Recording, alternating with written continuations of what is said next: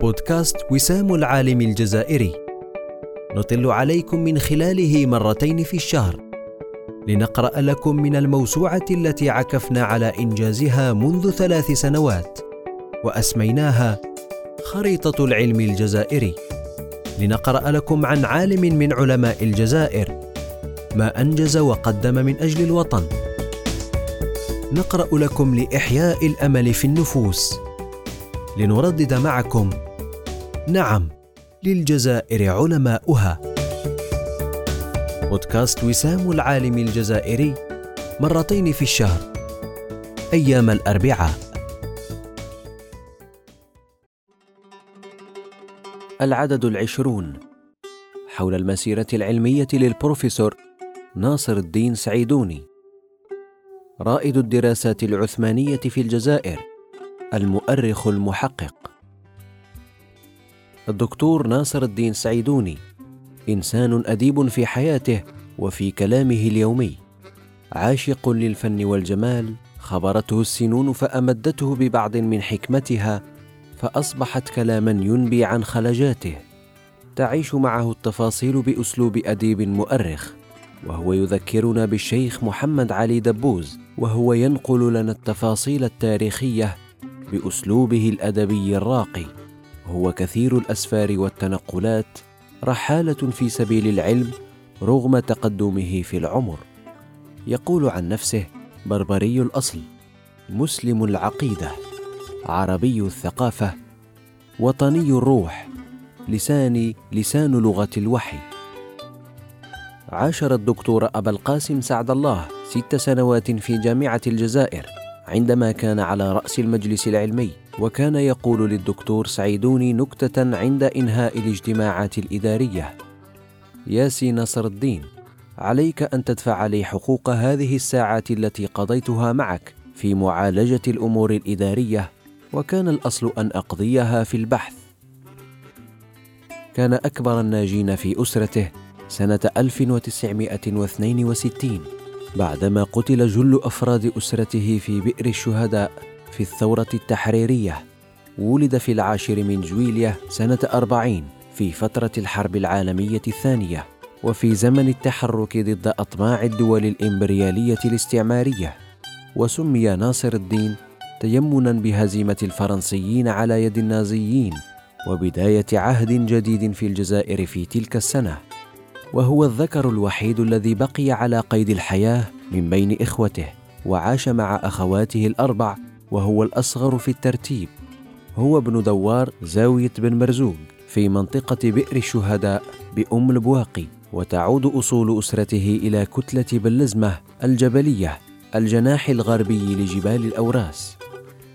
ابتدأ الدراسة في مدرسة التهذيب بمدينة تلاغمة التي انتقل إليها والده الشيخ الميلود خريج جامع الزيتونة ليكون إماما في مسجدها ومديرا لمدرستها التابعة لجمعية العلماء المسلمين الجزائريين.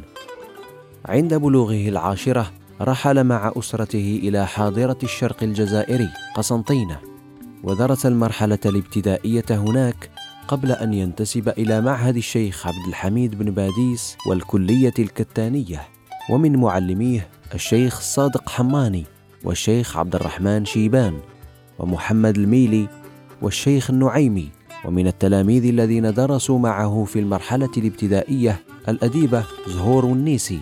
أما في معهد ابن باديس فقد زامل سيعلي أم قران سي الحفناوي الشيخ محمد الطيب مترجم القرآن وغيرهم.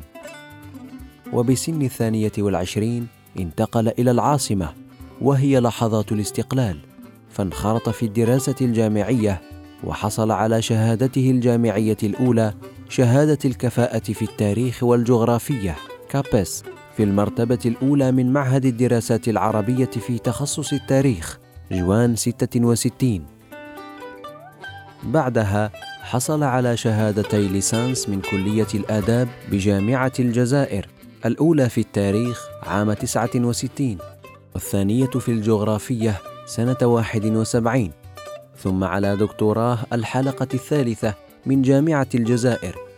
في تخصص التاريخ الحديث والمعاصر سنة أربعة وسبعين ثم حصل على دكتوراه دولة في فرنسا من جامعة إكس أون بروفونس في ماي 88 بعد 13 سنة من العمل الدؤوب الذي يعبر عنه الدكتور ناصر الدين أنه كان ينقش على الحجارة بأصابعه وفي هذه الفترة أتقن اللغة الفرنسية واللغة العثمانية في معهد الدراسات الشرقية.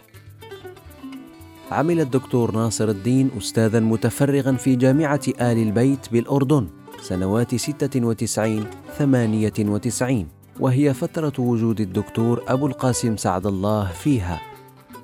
عاد إلى الجزائر بعدها لسنتين إلى قسم التاريخ بكلية العلوم الإنسانية في جامعة الجزائر حيث كان أستاذا في التاريخ الحديث والمعاصر ورئيس المجلس العلمي للكلية.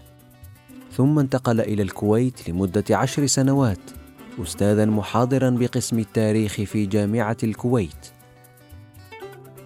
أشرف وتابع صدور مجلة دراسات التاريخية لمعهد التاريخ. ثلاثة عشر سنة متواصلة ما بين ستة وثمانين وتسعة وتسعين وهو ما يعتبر انجازا في سياقنا الحضاري من حيث التنظيم ومن حيث الثبات في إنتاج المعرفة. وترأس أيضا هيئة تحرير مجلة إنسانيات لكلية العلوم الإنسانية بجامعة الجزائر في أعدادها الثلاثة الأولى ما بين 2001 و2002 من مؤلفاته في الحراك الثقافي والتفاعل الفكري. كتب فيه عن علماء ارتبطوا بالجزائر انتماء لها وحبا فيها. أبو العيد دودو أبو القاسم سعد الله عائشة غطاس عبد الرحمن شيبان محفوظ قداش غوبير مونتيغان محمد قنانش إسماعيل العربي وغيرهم. كان اهتمامه منصبا في بادئ الأمر على الفترة العثمانية من تاريخ الجزائر حتى أصبح أحد المراجع فيها. ثم توسعت اهتماماته فانكب على الدراسات الوقفية والتي أصبح أيضا أحد روادها. وأيضا توجه لدراسة التراث الجغرافي والتاريخي المغاربي وأدب الرحلات. كان الدكتور سعيدوني عضوا في أمانة الوقف في الكويت. ونشر حوالي خمسة كتب حول الوقف من بينها الوقف في الجزائر كما شارك في التأليف في دائرة المعارف التونسية والتركية. أنشأ مع ابنه معاوية سعيدوني مؤسسة ناصر الدين سعيدوني في كندا ولها ثلاثة محاور. أولاً إنجاز المدونة الجزائرية وهي موسوعة تاريخية ودائرة معارف خاصة بالعلوم الإنسانية باللغات الثلاث العربية والإنجليزية ثم الفرنسية. دائرة معارف علمية بمضمون علمي وروح وطنية تخدم التوجه الحضاري للجزائر. ثانيا مجلة محكمة بعنوان مقاربات التي ترصد الثقافة والفكر وما يؤثر على صورة الإسلام في الغرب. تصدر باللغات الثلاث ثالثا الترجمة من اللغات الأجنبية إلى اللغة العربية باعتبارها جسرا لاستيعاب الأبحاث العلمية الأجنبية في مجال التاريخ قصد إثراء المكتبة الجزائرية. التقى بمالك بن نبي في الندوات التي كان يقيمها رفقة رشيد بن عيسى، وكان من ضمن الطلبة الغاضبين الذين توجهوا لملاقاة مالك بن نبي في قصر الشعب بعد هزيمة أكتوبر 67 فأدخلهم وطلب منهم أن يطلوا من النافذة وقال انظروا جيدا. ثم أشار إلى النفايات الملقاة في الشارع التي تأخر تنظيفها. ثم توجه إلى الحنفية ولا ماء فيها فقال هذه هي الهزيمة. هذه الصغائر في الحضارة التي تلد الكبائر. الحياة غير منتظمة اذا لا مكان للنصر. صاحب قلم سيال فقد بلغت منشوراته العلمية حوالي 32 مؤلفا من غير التي تنظر دورها للطباعة ودون الحديث عن المشاريع التي يعمل فيها الآن وهو عاكف حاليا على إنجاز السيرة الذاتية لحياته الشخصية. من تأليفه الكتابة التاريخية من الجهد الفردي إلى المنظور الحضاري. الأطلس التاريخي للجزائر. التاريخ المالي للجزائر. 1792 1830 دراسات في الملكية العقارية في العهد العثماني. أساسيات منهج التاريخ. معجم مشاهير المغاربة بالاشتراك. أما في التحقيق فمما نشر القول الأوسط في أخبار بعض من حل بالمغرب الأوسط للحاج أحمد الشقراني تحقيق وتقديم. ظهور البساتين في تاريخ السوادين للحاج موسى أحمد كمرة تحقيق بالاشتراك مع معاوية سعيدوني.